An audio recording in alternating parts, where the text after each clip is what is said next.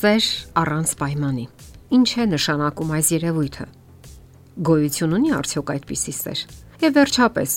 որտեղ են ավարտվում նրա սահմանները։ Երեխաների դասյարակության մեջ հատկապես կարևոր է parzabanել այն հարցը, թե որն է առանց պայմանի սերը որովհետև վաղ թե ուշ գալիս է այն ժամանակաշրջանը, երբ երեխային հարկավոր է ցույց տալ այն սահմանները կամ սահմանափակումները, որոնք նա պետք է ընդունի ու հարգի։ Հակառակ դեպքում նա կդառնա քմահաճ։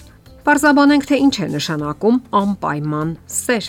կամ առանց պայմանի սեր։ Այսպիսի սիրո բանաձևի մեջ գլխավոր բառն է միշտը։ Սա նշանակում է սիրել միշտ, ցանկացած պայմաններում, այլ ոչ թե այն ժամանակ, երբ մենք ենք ցանկանում։ Հոգալ միշտ, սատարել ցանկացած պայմաններում եւ հանգամանքներում, նույնիսկ այն ժամանակ, երբ նրանք վատ են պահում իրենց եւ կամակորություն են անում։ Սակայն parzենք, թե ինչքանով է դա ճիշտ եւ արդյոք միշտ է հնարավոր այդպես վարվել։ Առանց պայմանի սեր անհրաժեշտ է դրսևորել երեխայի կյանքի առաջին տարիներին հատկապես։ Կյանքի առաջին տարում երեխան ֆիզիկապես պետք է զգա, որ մայրն իր կողքին է, որ միշտ կարելի է սեղմվել նրան, հպվել, որ նա միշտ ջերմ է, քնքուշ ու բարի։ Եվ ինչքան շատ ուշադրություն ստանան այդ ժամանակաշրջանում, այնքան բնականon կընթանա նրա զարգացումը։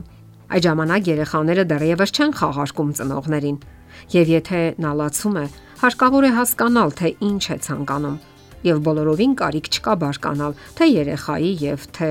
ինքն իր վրա։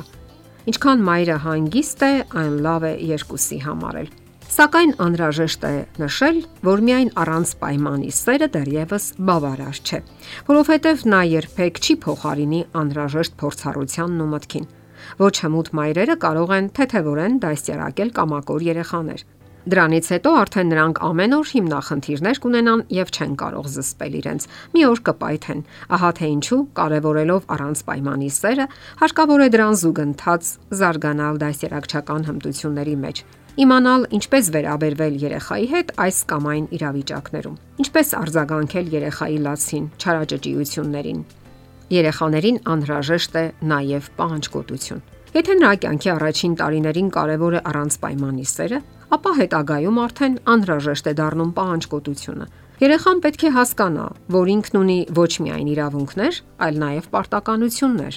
Պետք է ընկալի, որ եթե ունի խաղալու իրավունք, ապա ունի նաև խաղալիքներն իր հետևից հավաքելու պարտականություն։ Նա իրավունք ունի խաղալ ինքն իր համար, սակայն իրավունք չունի հարվածել կամ նեղացնել մյուս երեխաներին։ Եվ եթե քայլում է փողոցով, ապա պետք է բռնի հոր կամ մոր ձեռքը։ Ընդհանրապես գլխավոր հիմնախնդիրները սկսվում են այն ժամանակ, երբ անհրաժեշտ է առանց պայմանի սերը համակցել պահանջկոտության հետ։ Ճիշտ եւ ներդաշնակ համակցության դեպքում երեխայի զարգացումը ընթանում է բնականon։ Սակայն կյանքում սա ավելի հեշտ է ասել, քան իրականացնել գործնականում։ Այստեղ հետաքրքիր է նշել, որ առանց պայմանի սերը ավելի մոտ է կանացի բնույթին, քան տղամարդու։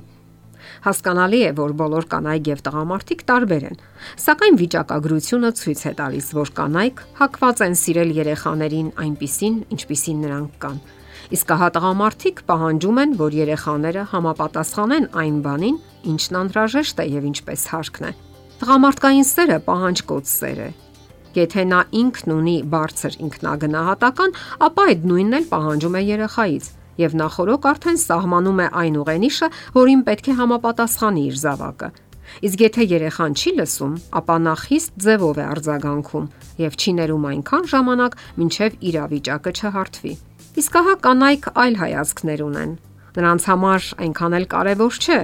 կհամապատասխանեն արդյոք երեխաները ինչ որ չափանիշների, թե ոչ։